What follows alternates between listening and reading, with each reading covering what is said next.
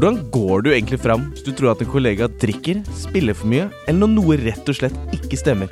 I denne podkasten tar vi opp temaer som av mange oppleves utfordrende å snakke om, og hvordan du går frem for å gjøre noe med det.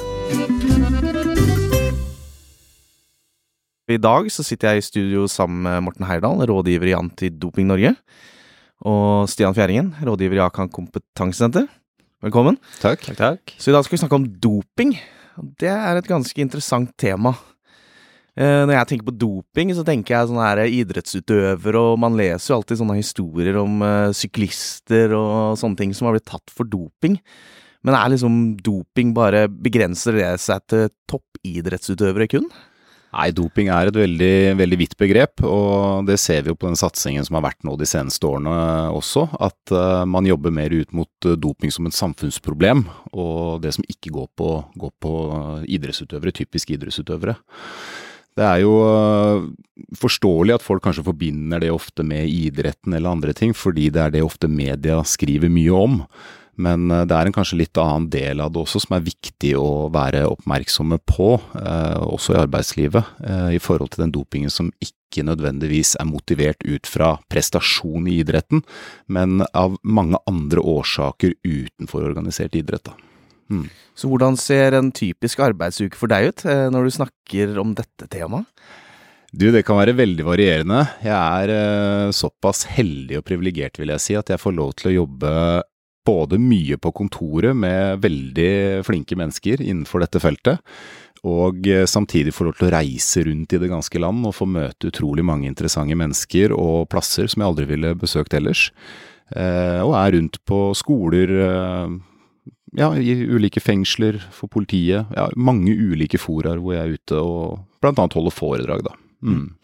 Så hvordan oppfatter folk budskapet? Er liksom doping, er det lett å snakke om, er det vanskelig? Hva er din oppfatning av det? Det er eh, forholdsvis lett å snakke om. Um, det jeg opplever er at folk eh, flest kanskje ikke har så store forventninger før de kommer til et sånn type arrangement, for man vet kanskje ikke helt hva det skal dreie seg om. Det er jo så vidt begrep, som sagt, så at Antidoping i Norge skal komme og snakke om doping, det kan være så mangt. Er det Lance Armstrong og idretten vi snakker om, eller er det, er det andre ting? Så, men når de først da får høre tematikken, hva det dreier seg om, så blir folk veldig fort interesserte, og jeg opplever veldig ofte at folk blir veldig motiverte til å jobbe med det i ettertid. Så det er jo veldig bra. Så doping hva gjorde at du blei interessert for dette temaet, Morten? Du, jeg, eh, jeg, har hatt en kanskje litt alternativ vei inn i den jobben jeg har i Antidop i Norge. Nå har jeg jobbet i denne organisasjonen i eh, seks år. Men veldig mange av mine kolleger de har gjerne tatt en eller annen form for relevant utdannelse først, og så begynner du å jobbe i den organisasjonen.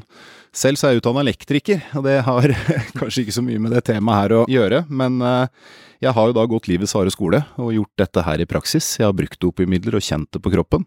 Så jeg har rett og slett brukt min egen kropp som forsøkskanin og laboratorie gjennom ti år. Så det gjør jo at jeg både har innsikt, en innsidekunnskap her, sammen med da at jeg jobber i en organisasjon hvor det er eh, utrolig eh, solid faglig kunnskap om dette her også, og det blir på en måte grunnlaget jeg eh, tar med meg ut, da. Mm. Ja, for det gir jo en slags, eller en veldig kredibilitet også, med tanke på å snakke om dette temaet, og så vært deg selv.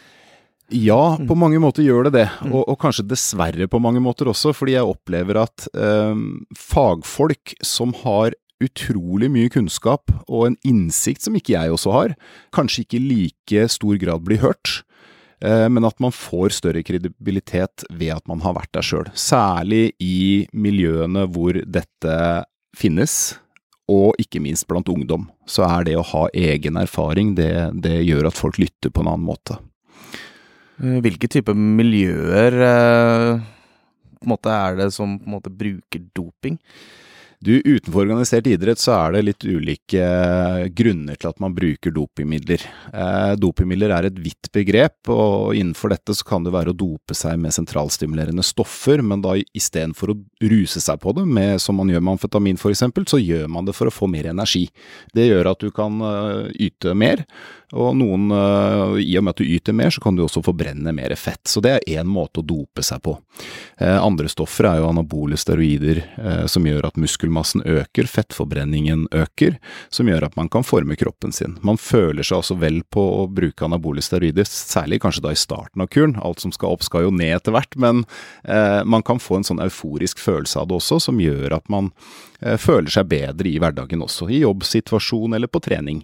Så, så det gir, hva skal du si, en del fordeler å, å bruke doping, og da kan man se at eh, det er eh, unge mennesker, godt voksne mennesker, som bruker dette her fordi de ønsker å forme kroppen sin, se bedre ut, de ønsker å rette på utseendet sitt, rett og slett.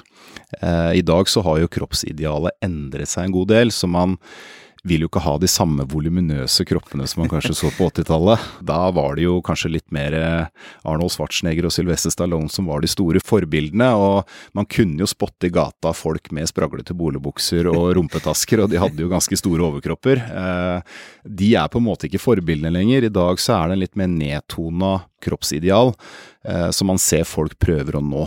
Og da bruker man disse dopingmidlene på en litt annen måte.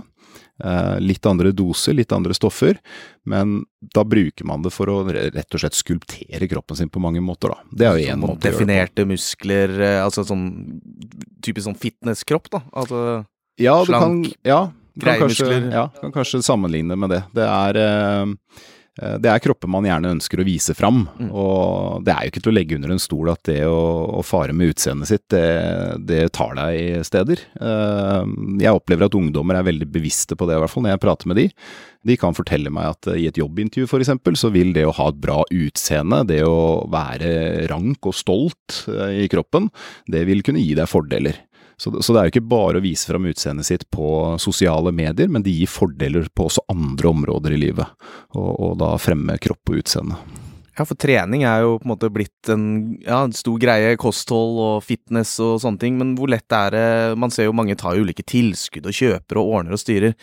Men hvor lett er det liksom å gå derfra til å søke seg til dopingmidler for å fremme prestasjoner og bygge kropp? Det kan være litt ulikt. Jeg tror det handler veldig mye om uh, hva slags kunnskapsnivå man har på dette her fra før av, og ikke minst hvilket miljø man er i. Jeg har sett unge mennesker komme ut i dopinghelvete fordi de rett og slett ikke har skjønt at de har brukt doping.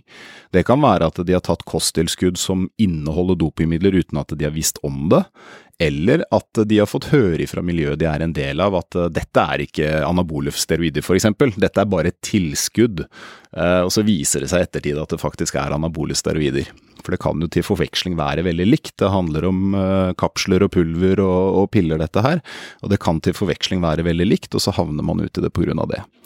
Men gjengs så ser jeg at spesielt tenåringer, de aller yngste, de går nok ikke på de tyngste stoffene med anabole steroider f.eks. til å begynne med. Selv miljøet er veldig klare på det, at unge mennesker ikke burde gå på det. Det er fordi de er eh, i en periode i livet hvor hormonproduksjonen deres er på topp, og anabole steroider er jo testosteron, det mannlige kjønnshormon, og det å tukle da med hormonsystemet med å tilføre store mengder testosteron, det er svært uklokt, og det sier jo selv miljøet også, så unge mennesker de lytter gjerne til det, og gjerne da til eh, de som bruker det og har erfaringen, og ser YouTube-videoer og er på ulike chatteforaer. Og jeg opplever at de fleste lytter til det, de venter med det. Men så har du litt sånne skal si, gråsoneprodukter, ting som fortsatt defineres som dopingmidler i dag, men blant annet prohormoner og og andre ting som eh, sarmer er det noe som er nå, som er nytt på markedet. Dette er da legemidler som er under medisinsk utprøvning, og, og når man får dette i kroppen, så, så, vil jo det virke på mange måter som, som anabole steroider, men eh, noen hevder at det ikke vil gi de samme bivirkningene. Eh, fagpersoner sier at man ikke vet helt enda, fordi forskningen har ikke kommet langt nok, og det fortsatt er medisinske utprøvninger. Men så prøver man seg på disse såkalte litt mildere stoffene, da i håp om at det skal gi en prestasjon prestasjonsfremmende, muskelsfremmende effekt. Alt i alt så, så unge mennesker de prøver seg ikke på de aller tyngste stoffene med en gang, de, de går litt mer på eh, hva skal jeg si, det alternativet i et forsøk på å nå disse målene sine. da. Så det er fortsatt et element av liksom man prøver ut litt preparater eh, selv, og mikser og trikser litt, eller med en slags kunnskapstilnærming, men eh, altså Det må jo være noen åpenbare risikoer forbundet med dette? Eller du nevner jo noe at det føles som en slags eufori i begynnelsen, men man skal helst ikke tukle så mye med f.eks. hormoner? Altså, hvor farlig er det greiene her? Ja, altså, Hvis man ser på anabole steroider som en stoffgruppe, som da er testosteron og et mannlig kjønnshormon, så, så kan det gi en rekke bivirkninger. Det, bivirkningsprofilen her den er, den er, lang og vond, og det jeg ser og opplever, og det forskningen også viser, er at de aller fleste vil oppleve problemer fordi eh, man ofte benytter veldig store mengder av det også. Normalt så produserer en mann mellom 4 og 9 milligram med testosteron i døgnet, men når man bruker dette her i form av doping, så er det vanlig å bruke doser som 50 og 100 milligram. Det er ikke uvanlig. Noen er også oppe i 150 for den saks skyld. Så, så det er jo enorme mengder man tilfører kroppen her, og det gir en rekke komplikasjoner. Altså Hormonsystemet vårt er velbalansert, og det er dynamisk i tillegg. Det, det er jo ikke bare det at det står i en balanse, men, men, den er dynamisk. Den er jo annerledes på morgenen enn den er på, på ettermiddagen og kvelden f.eks. Og ja, det er mye som påvirker hormonbalansen vår, og det å tilføre ett bestemt hormon i så sinnssyke mengder, det vil jo skape store forstyrrelser i hormonbalansen. Og da også særlig med egenproduksjonen. Kroppen vår vil jo prøve å hele tiden uh, ligge i balanse, og vil jo da sette ned egenproduksjonen av testosteron. Og uh, da vil man oppleve store problemer når man avslutter. For det er jo meningen at man skal gå på dette her periodevis. Og når man går på dette her i noen uker og måneder og skal av og ha en pause, så vil jo da kroppen ha slutta å produsere det selv. Da tilfører du ikke noe utenfra lenger, du har ingen egenproduksjon, og dermed så går man rett til kjelleren også. Uten testosteron i kroppen så vil, vil man kunne oppleve å bli deprimert, energiløs.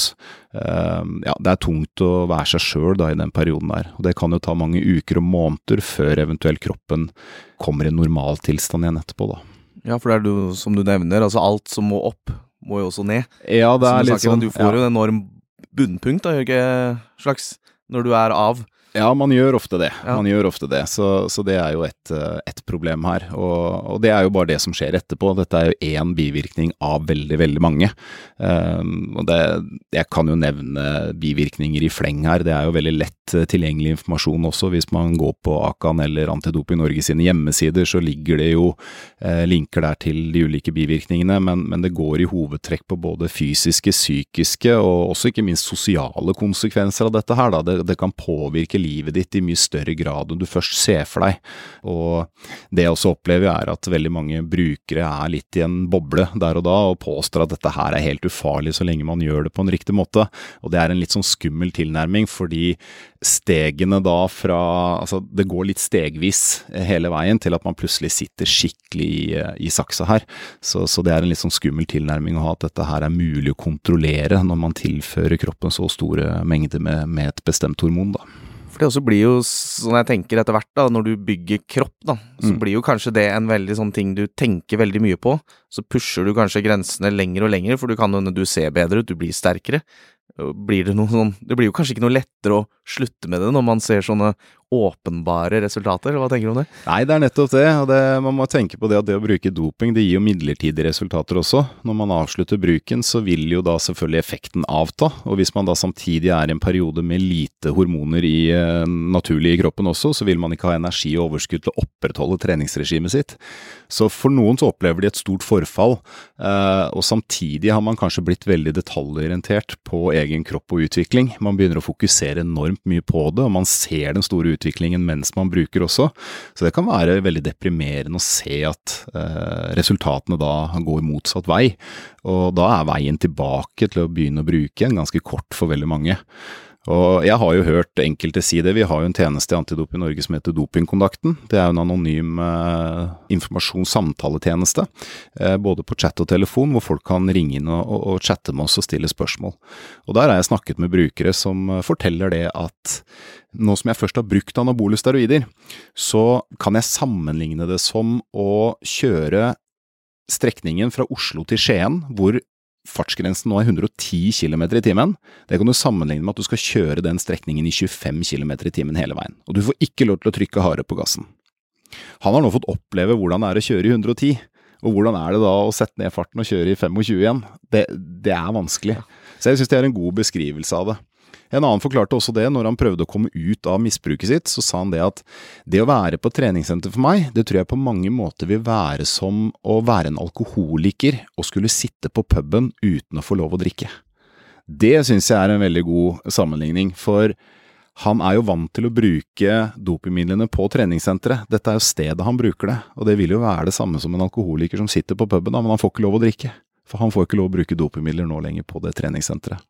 Så det er mange krefter her som jeg tror man ikke ser for seg på forhånd, men som man vil oppdage etterpå at vil være kunne bli en uh, utfordring. Så det er gode beskrivelser. Uh, Stian, uh, du er jo rådgiver i Akan kompetansesenter og er ute og kurser, og noen ganger også så sitter du på telefon. Er eh, doping noe du hører mye om fra arbeidslivet? Nei, vi hører ikke mye om det. Det, det ville vært feil å si. Det utgjør ikke store andelen av veiledningstelefonene våre, men eh, Og doping er jo nytt i Akat-sammenheng, hvis man skal liksom se historien over tid her. Men vi tar jo opp de temaene som arbeidslivet forteller oss om, og det starter jo med henvendelser på veiledningstelefonen, gjerne. Altså utfordringer i arbeidslivet som uh, har vært knytta til dette med spesielt eh, anabole androgene steroider, da. Det er jo det vi snakker om, ikke nødvendigvis liksom idrettsdopinga og bloddoping og den type ting. Som har gjort at vi har uh, blitt nysgjerrig på å skaffe oss mer kunnskap. Så vi er jo litt i startgropa, vi også. Samarbeider jo med Antidoping Norge og Steroideprosjektet på på Oslo universitetssykehus for å jakte litt på kunnskap, da. Og erfaringene fra bedriftene vi er i dialog med. Og ting vi kan høre, altså der vi ser det i arbeidslivet, så er det gjerne arbeidsplasser hvor det kanskje stilles noen fysiske krav, altså hvor det å, å, ha en stor og muskuløs kropp er en fordel. Et konkret eksempel, altså vi, vi hadde en leder som ringer inn og og var litt nysgjerrig og litt bekymra for en ansatt fordi man så at man plutselig måtte bestille opp nye uniformer som de vokste ut av på kort tid, og det var flere ganger over kort tid. Så det er jo en sånn konkret eh, observasjon som leder hadde gjort, som, som gjorde at de hadde reagert, da. Men det er klart, vi, vi, er jo litt opptatt av det som, eh, som Morten også er innom her, at uh, denne litt normaliseringen av doping, at doping er ikke disse idrettsstjernene lenger i samfunnet vårt. Det er ikke disse store, unnskyld uttrykket, bolerne med rumpetaske, altså de synlige karakterene. Går du opp og ned Karl Johan, så kan det godt hende du passerer noen som bruker anabolo, eh, androgene steroider uten at det nødvendigvis syns, da. Og de tror vi jo på at finnes der ute i arbeidslivet. Vi tenker jo at det er flere tilfeller der ute som man på en arbeidsplass kunne oppdaget. Fordi det, hvis vi ser på tollbeslag og utsagn fra de som produserer dette her, så, så, er jo importen av det til Norge tilsier jo at det skal være flere som bruker enn det vi kanskje ser på studier. Eh, Norge er jo ikke noe distributør av eh, disse stoffene, sånn jeg har forstått det, eh, og det vil jo si at det som kommer inn, det skal jo brukes her i landet.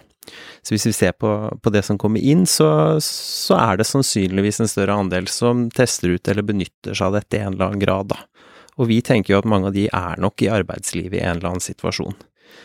Og så blir det jo nettopp dette her med at når skal arbeidsgiver bry seg, eller når skal man på arbeidsplassen bry seg, og det er jo hvis vi tenker et forebyggingsperspektiv, så handler det om at kollegaene våre skal ha det bra. Og i det momentet det begynner å gå ut over arbeidsplassen, så er det klart at en, en leder må kunne mene noe om dette her, da. Um, og så er vi ute etter disse bevisene, ikke sant, som uh, Det er skummelt å ta opp noe vi ikke snakker om. Som det blir nevnt her Og doping er noe vi ikke kan så mye om. Og det, det gjelder også fagmiljøene. De er jo i forskningsfasen. De, de lærer nye ting hver dag. Det er litt sånn uh, nybrottsarbeid uh, også på forskningssida her. Men vi er jo litt opptatt av de endringene, da. Altså Man går på disse over kurer, ikke sant. Så disse down-periodene som blir nevnt her, da. Det, disse psykiske virkningene er jo kanskje det som kan være noen signaler som et arbeidsmiljø eller en leder vil kunne oppdage. Endringer i atferden på jobb det kan være et økende sykefravær fordi at man, man sliter psykisk. Eh, og vi vet jo ikke hva det handler om, og det trenger ikke å være doping som er liksom de årsakene til at en leder oppdager disse endringene, men vi må tørre å ta praten, da. Lederne må tørre å, å spørre sin kollega hvordan har du det egentlig? Fordi nå, nå, skjer det et eller annet i ditt liv som ikke jeg vet hva handler om, men jeg ser at noe endrer seg. Og det å tørre å, å, å spørre hvordan står det til egentlig, som en start, da for å finne ut av eh, hva dette kan handle om. Absolutt. Hva tenker du om det? Altså, Hvordan skal man egentlig gå fram for å liksom snakke om doping, tenker du? Jo, nei, jeg syns det er en veldig, veldig god og reflektert eh, versjon du kommer med her, eh, Stian. Og det er veldig riktig som du sier, til forveksling så kan jo dette her være andre psykiske belastninger eller andre ting som skjer i livet til vedkommende. Eh, og jeg tror i, på mange måter også at det handler om å tørre å ta praten, tørre å bry seg. Kanskje noen syns at det er litt skummelt å skulle spørre om doping, fordi det er et litt tabu tema, kanskje. Det er eh, kanskje sånn at man ikke føler at man har den kunnskapen man trenger for å gå inn i en sånn type samtale. Men det å, å stille seg i en, i en, posisjon hvor man er litt mer sånn nysgjerrig og lyttende, det tror jeg kan være et godt utgangspunkt. Og, og man trenger ikke være utlært i doping for å høre om hvordan en person har det, og om det da er doping eller andre ting som er årsaken til at man har utfordringer i livet sitt, så, så handler det om å bry seg og lytte på veldig mange måter. Og, og det å ta imot kunnskap fra vedkommende, da, det, det, altså man, man, stiller seg i en, en, en, posisjon og en rolle hvor man er litt mer ydmyk i tilnærmingen, og man trenger ikke være utlært i dette her for å ta praten. Mm. Det tror jeg er veldig viktig. Tørre å ta praten. Mm. Det er et uh, godt slagord. Så tenker jeg dette med altså hvilket miljø man omgås i. Altså for noen så har man kanskje dette miljøet hvor dette med doping er tilfellet utenfor arbeidsplassen, men det kan jo også godt være at vi har arbeidsplasser hvor dette miljøet er en del av arbeidsplassen. Altså du har kollegaer som du møter på fritid, trener sammen med, kan være, ikke sant. Så for en arbeidsgiver så, så kan det jo godt være at dette miljøet er en slags subkultur inne i arbeidsplassen også. Og derfor så er jo vi litt opptatt av at vi skal, i likhet med de andre rusmidlene og alkohol og spill som vi jobber med, skal snakke om dette litt i fredstid i et forebyggingsperspektiv. At man skal kunne vise det at uh, vi er en arbeidsplass som, som, har noen klare retningslinjer for hva som er greit og ikke greit når man jobber her hos oss. Men så skal det også være lov til å drite seg ut i perioder av livet. Vi er ikke på topp hele tiden, og da kan man som arbeidsgiver også få uttrykt det at vi ønsker å hjelpe folk hvis man havne på kant med det som man kanskje ønsker sjøl, da. Så, så, det der å tørre å snakke om tematikken, og også ta opp denne tematikken eh, rundt doping i fredstid, for å kalle det på den måten, det, det tror vi har en forebyggende effekt der ute.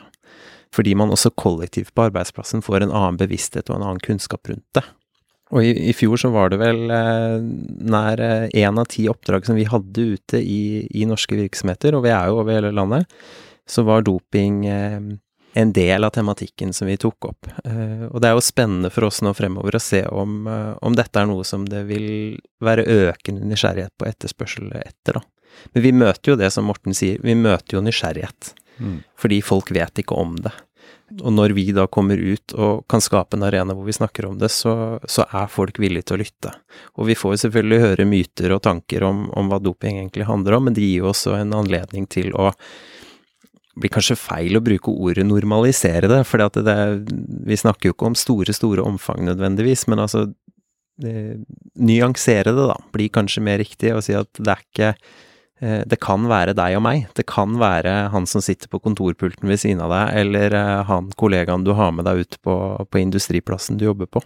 Det trenger ikke å være de som er 24 timer i døgnet på treningsstudio, og som du aldri ser.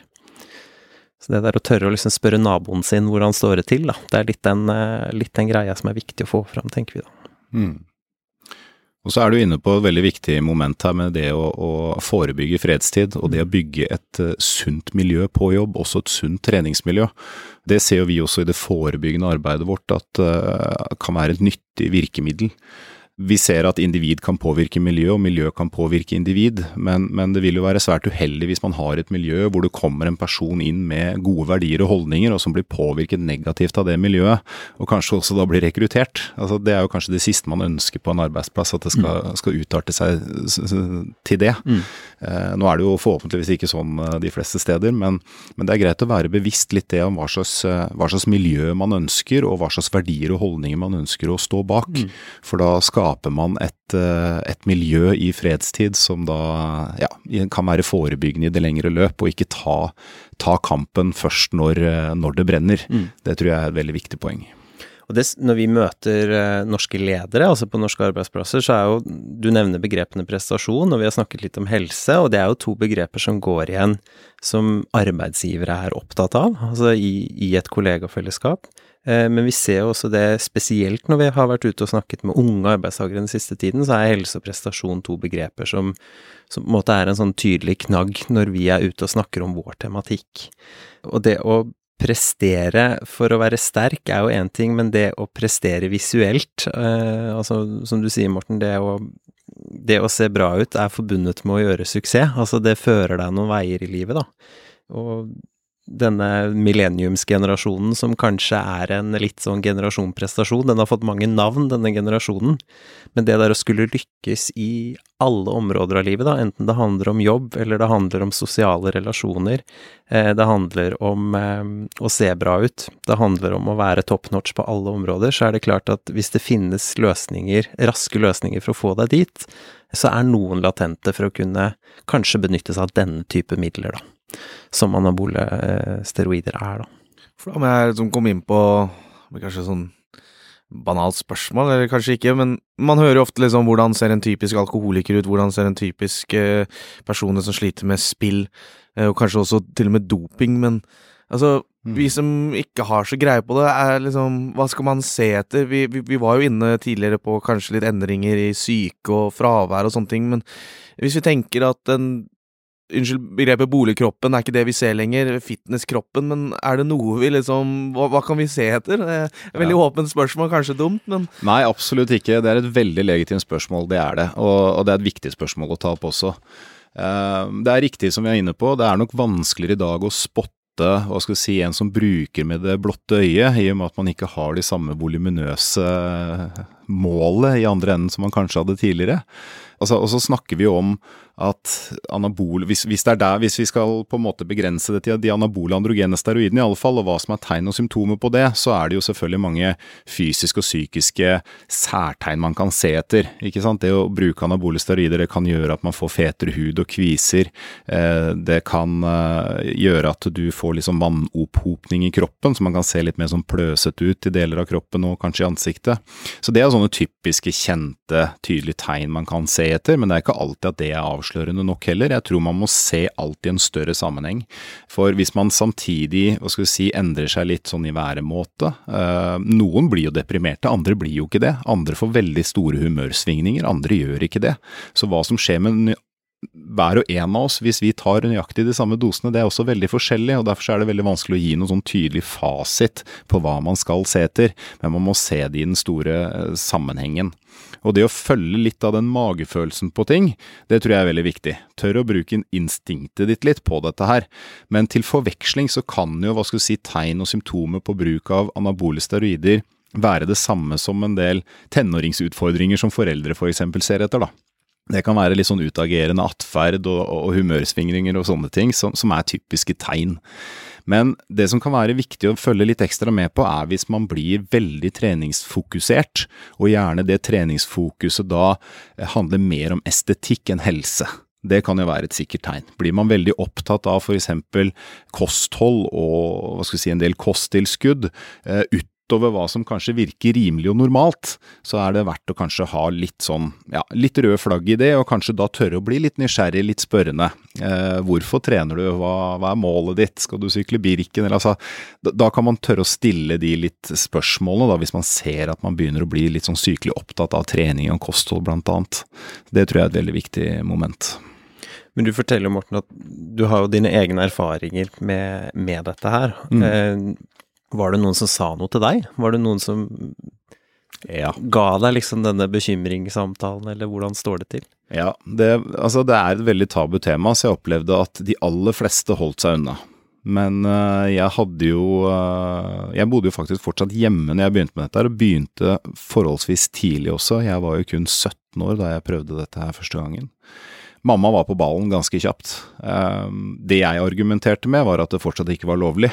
Eh, for på den tiden så var det faktisk fortsatt lov å bruke. Lovforbudet mot bruk og besittelse kom i juli 2013. Så da sa jeg til mamma at vi bor i kanskje et av verdens strengeste land når det kommer til å regulere legemidler.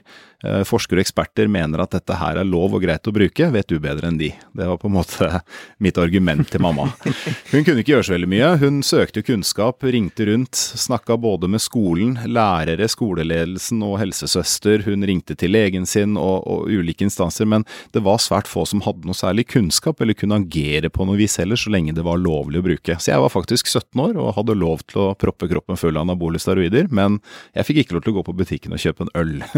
Det er jo litt sånn, litt sånn snålt å tenke på, på i dag. Eh, men, men, folk var på ballen, eh, særlig da foreldrene mine osv., men det var lite de kunne gjøre med det uansett. Hmm.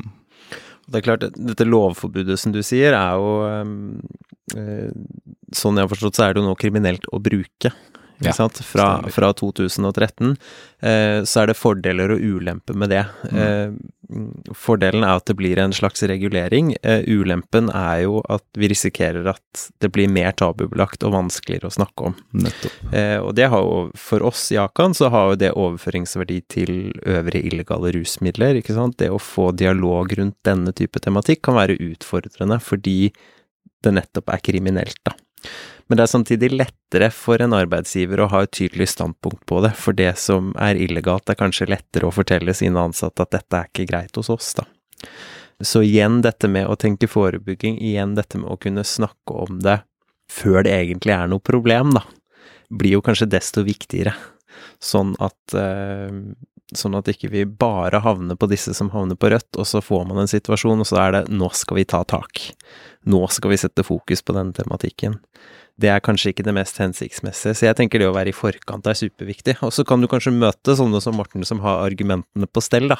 Ikke sant. Hvorfor eh, Nå var det lovlig den gang, men, eh, men vi vet jo det at når ledere tar opp sine bekymringer med ansatte rundt den tematikken vi jobber med, så, så finnes det jo nok av forklaringer og argumenter og bortforklaringer, men det, det er jo også en overlevelsesstrategi. Mm. For de som benytter seg av det, opplever jo også en form av glede ved det, og en, en positiv side ved det i, i stor grad, da. Mm. Ja, det er akkurat det at man har argumentene i orden, men det er vel som andre ting, eh, Stian, når man tar den nødvendige samtalen, da. Eh, det er vel ikke kanskje sånn at eh, hvis jeg hadde vært din leder, bare 'jeg tror du doper det', da tror jeg samtalen vil låse. En frykt, fryktelig dårlig start, tenker jeg, for ja. et samarbeid, hvis man skal finne en løsning, da. Men så er det klart, det er lov å plumpe uti som leder, for å si det sånn. Altså, det viktigste er at noen tør å ta det opp. Det verste vi gjør, er jo å være bekymra uten å si ifra. Men igjen dette med endring over tid, da. Eh, Morten, du sier dette med kontekst, og det er jo litt det vi er opptatt av når det gjelder vår tematikk, og at vi, vi må se disse endringene over tid. Er det endringer i atferd? Er det arbeidsutførelsen det begynner å gå utover, eller ser vi endringer i fraværsmønster? Så er det grunnlag for en leder til å ta en prat og sjekke ut hva det handler om. Og så får vi ikke nødvendigvis noe innrømmelse i en sånn første samtale. Målet med en sånn førsteprat det er rett og slett å bare få formidla bekymringen, sånn at du kanskje setter i gang en tankeprosess hos den ansatte du snakker med. For vi har veldig sjelden liksom de konkrete bevisene. Vi ser ikke at vedkommende sitter og tar den dosen sin, ikke sant. Men det vi ser, det er kanskje bivirkningene, eller det er det som skjer når vi Når man ikke går på kur, altså den mellomperioden eksempelvis, eller når man forsøker å slutte, som, som skaper da disse En ting er jo de fysiske, kjemiske reaksjonene i kroppen når man bruker eh, hormontilskudd. Eh, en annen ting er jo den psykiske effekten av det. Altså hvordan fungerer vi sosialt i et kollegafellesskap. Hmm. Så en ting jeg er litt interessert i å spørre om Ok, så man har kommet til det punktet å tenke at man skal slutte å dope seg. Hvordan ser livet ut da, når du virkelig bare kutter ut alt? Jo, det, kan jo utarte seg forskjellig fra person til person, det. Eh, litt avhengig av hvor mye du har brukt og hvor lenge man har brukt dette her, selvfølgelig. Og, og litt også hva slags nettverk man har rundt seg av venner, eh, familie, og ikke minst da hvordan arbeidsgiver stiller seg til det hele. For å ta et eksempel fra mm, meg selv og hvordan jeg kom ut av dette her, så var jeg såpass heldig å ha familie og venner rundt meg som støtta meg i den avgjørelsen om å slutte med dette, og de var der for meg fra dag én. Men ikke minst så hadde jeg en arbeidsgiver som også var der. Um, Det var jo selvfølgelig litt med kniven på strupen. Det, han var ganske tydelig i at uh, her ønsker jeg å se at du virkelig er en, og at du mener det du holder på med. Men så lenge du mener det og ønsker å komme ut av det, så får du fortsatt lov til å jobbe her, og jeg vil støtte deg og hjelpe deg for det det er verdt. Så han var virkelig en uh, leder som både var tydelig, men som også var helt avgjørende for, sånn som jeg opplevde det i hvert fall, at jeg kom ut av det. Så jeg er veldig glad for at han tok så mye Eh, hva skal vi si, ansvar, altså hadde, hadde virkelig omsorgen der, da. Mm. Eh, Stille krav med omsorg, det er jo det han egentlig gjør. Det er altså, det han gjør, ja. Mm.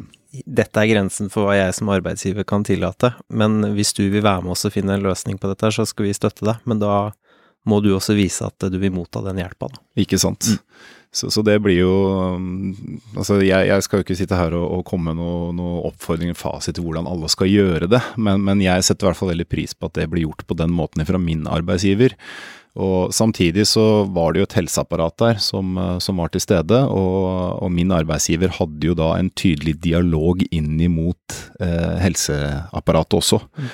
og fikk lov til å være en del av det. Han var jo faktisk med på et par av de møtene eh, som jeg var med på, eh, som nå er gjennom steroideprosjektet, som da hjelper brukere etter endt bruk med både medisinering og litt sånn oppfølgingssamtaler og sånn som man trenger, da. Eh, og han var faktisk med på et par av de, og det satte jeg veldig, veldig pris på. Og Det er også viktig å si at det, det finnes en rett helsehjelp oppi dette her. Det, det er jo der, og, og, de har også tilbud for pårørende. Og fra et Akan-perspektiv så kan det jo vel så gjerne være sånn at en kollega eller en, en leder kan ses på som en pårørende i en sånn situasjon, da. Og så syns jeg det er superviktig det du sier om dialogen mellom arbeidsgiver og helsepersonell i denne situasjonen, for, eller helseapparatet. For det er, det er, ikke bare å be folk om å slutte på androgene og anabole steroider. Altså det er en Du har tukla med kroppen din, og det betyr også at uh, du trenger bistand fra et helseapparat for å komme tilbake til en slags normaltilstand over tid, da. Mm. Det er ikke bare noe som skjer over natta. Så vi er jo også litt opptatt av at dersom vi havner i saker i norsk arbeidsliv hvor dette med doping er tilfellet, så, så, er det superviktig å få til et tett samarbeid. Ikke bare mellom arbeidsgiver og arbeidstaker, men også det apparatet som er rundt, sånn at arbeidsgiver kan også få en forståelse av den prosessen som foregår utenfor jobben, da, når man skal forsøke å løse problemet sitt. Så hvis det sitter og lytter noen til denne episoden nå som har problemer, altså hva anbefaler du er det første stedet de kan oppsøke for informasjon eller hjelp, eh, Morten? Jo, altså det aller første skal vi si, lavterskeltilbudet man bør ta her, det er jo eh, definitivt å Jeg tenker å ringe dopingkontakten, rett og slett.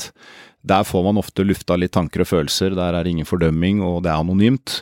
Og der sitter det ekstremt flinke mennesker og svarer på disse dopingrelaterte spørsmålene man har, uansett hvor man er i, i forløpet her. Eh, så, så, det tenker jeg er første, første veien her. Og så er det jo selvfølgelig i, i forhold til at man, eh, man, eh, ja, som bruker, tenker du da? Ja, mm. jeg, jeg, tenker det er første, første steget. Det må da bli dopingkontakten. Absolutt. Mm. Tenker jeg vi begynner å nærme oss litt uh, slutten, ja. Men er det noe dere tenker vi ikke har snakket om i dag, som dere vil sette noe ord på? Det blei ikke noe tips om sommerkroppen 2019, da. Jeg hadde jo liksom trodd at eh, Morten skulle Nei da. Det er, det grunnen til at jeg sier det, er jo egentlig for at vi må tørre å tulle litt òg, da. For ja. at det er eh, Når vi er ute i norske virksomheter, så, eh, så blir vi jo møtt med noen myter i en del tilfeller, ikke sant. Nå kommer Akan og skal være moralens pekefinger, og det er jo ikke hensikten. Og igjen dette å snakke om det i fredstid, tørre å fleipe litt og tulle litt. Ja, det, det, kan være alvorlig å, å få problemer knytta til doping, men uh, det blir i hvert fall ikke noe lettere å snakke om det hvis ikke vi kan fleipe litt rundt det, da. Det tenker jeg er viktig å ha med seg inn når vi skal tørre å sette ord på ting, enten det er i en vennegjeng eller kollegafellesskap eller hva det nå er. Definitivt. Tørre å ta det litt ned. Mm. Det er jeg helt enig i. Nei, men da takker jeg for at dere kom i studio, og så til dere som lytter på, takk for at dere hørte på. Takk for at du lytta til podkasten. Husk å abonnere, så får du neste episode direkte inn på mobilen din. Ønsker du mer informasjon om hva du kan gjøre, så finner du det på akan.no. Er du bekymra? Ta praten.